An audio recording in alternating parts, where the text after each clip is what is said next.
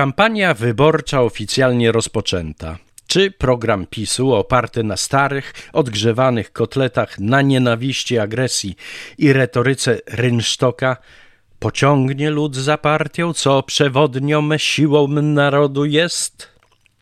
Trudno powiedzieć, choć już widać jedno.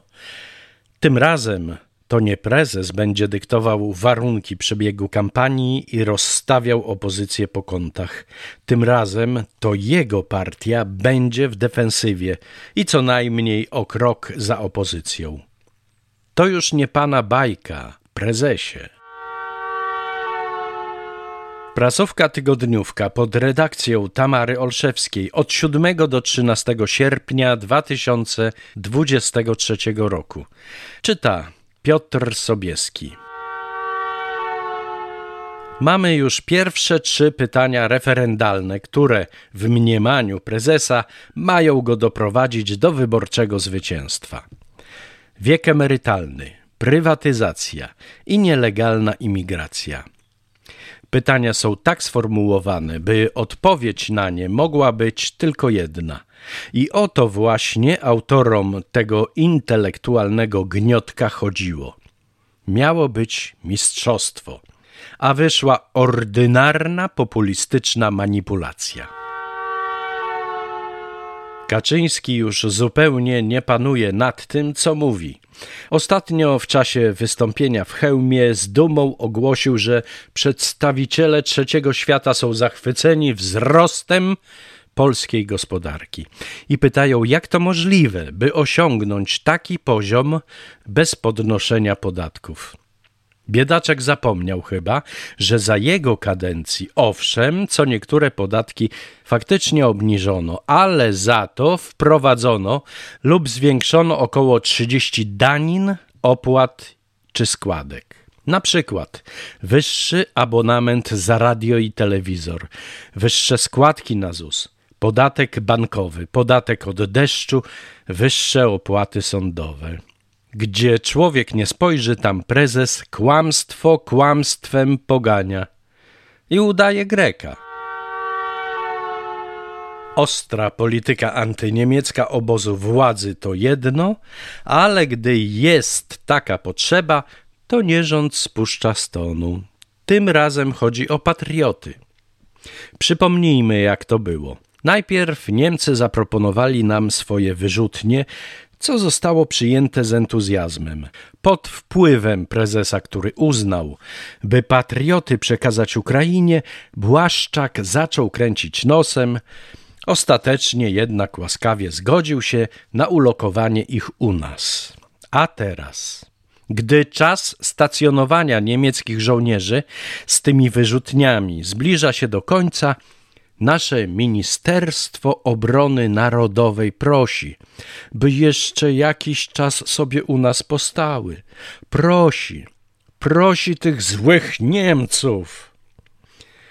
Ci mogliby się teraz odkuć i pokazać nam figę, ale stanęli ponad antyniemieckość nierządu i zgodzili się, by do końca 2023 roku patrioty nas zabezpieczały. I co teraz?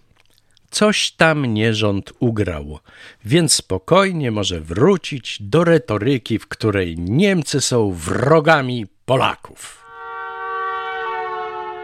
Nierząd szaleje z piknikami 800.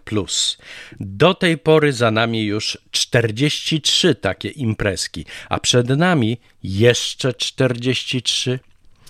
Koszt każdej z nich to ponad 100 tysięcy złotych.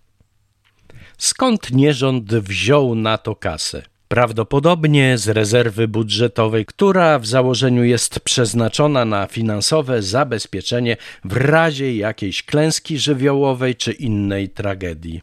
Mało tego, choć PiS wciska nam kit, że pikniki 800 plus mają charakter tylko informacyjny, Świetnie wiemy, że to element kampanii wyborczej. Kampanii, która powinna być finansowana z pieniędzy partyjnych.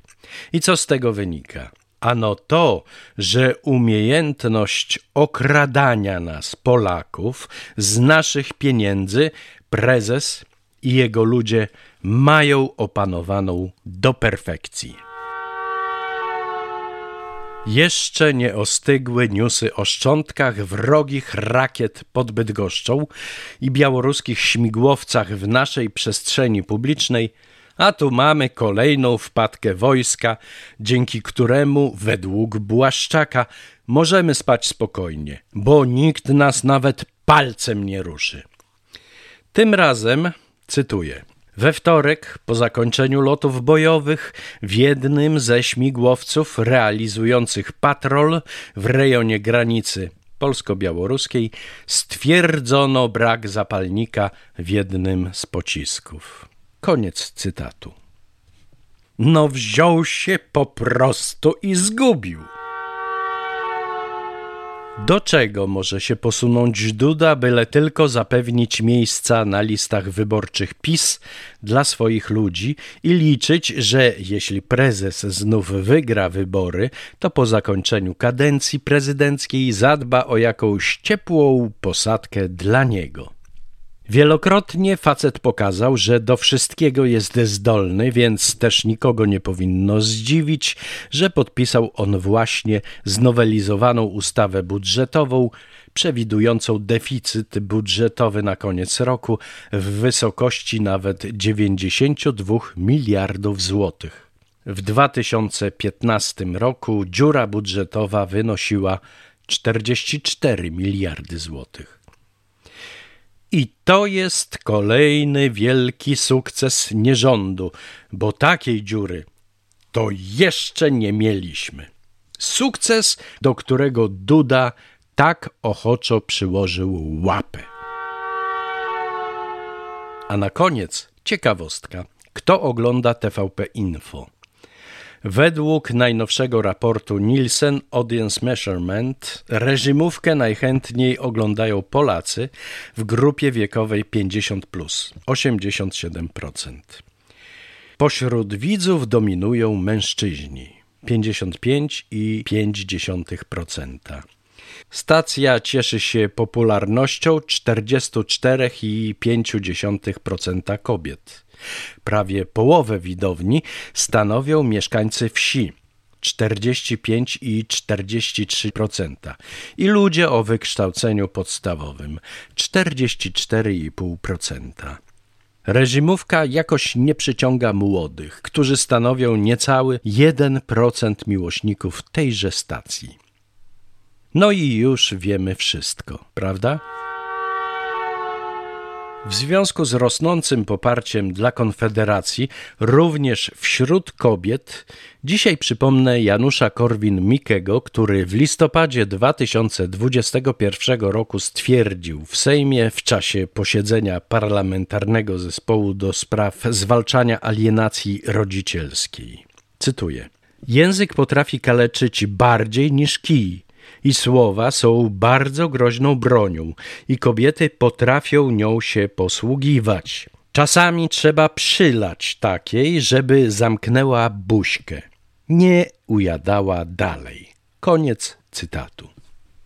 I co, panie miłujące konfederację na takie słowa? Już nadstawiacie ochoczo buźkę do obicia? Była to prasówka tygodniówka pod redakcją Tamary Olszewskiej. Czytał Piotr Sobieski.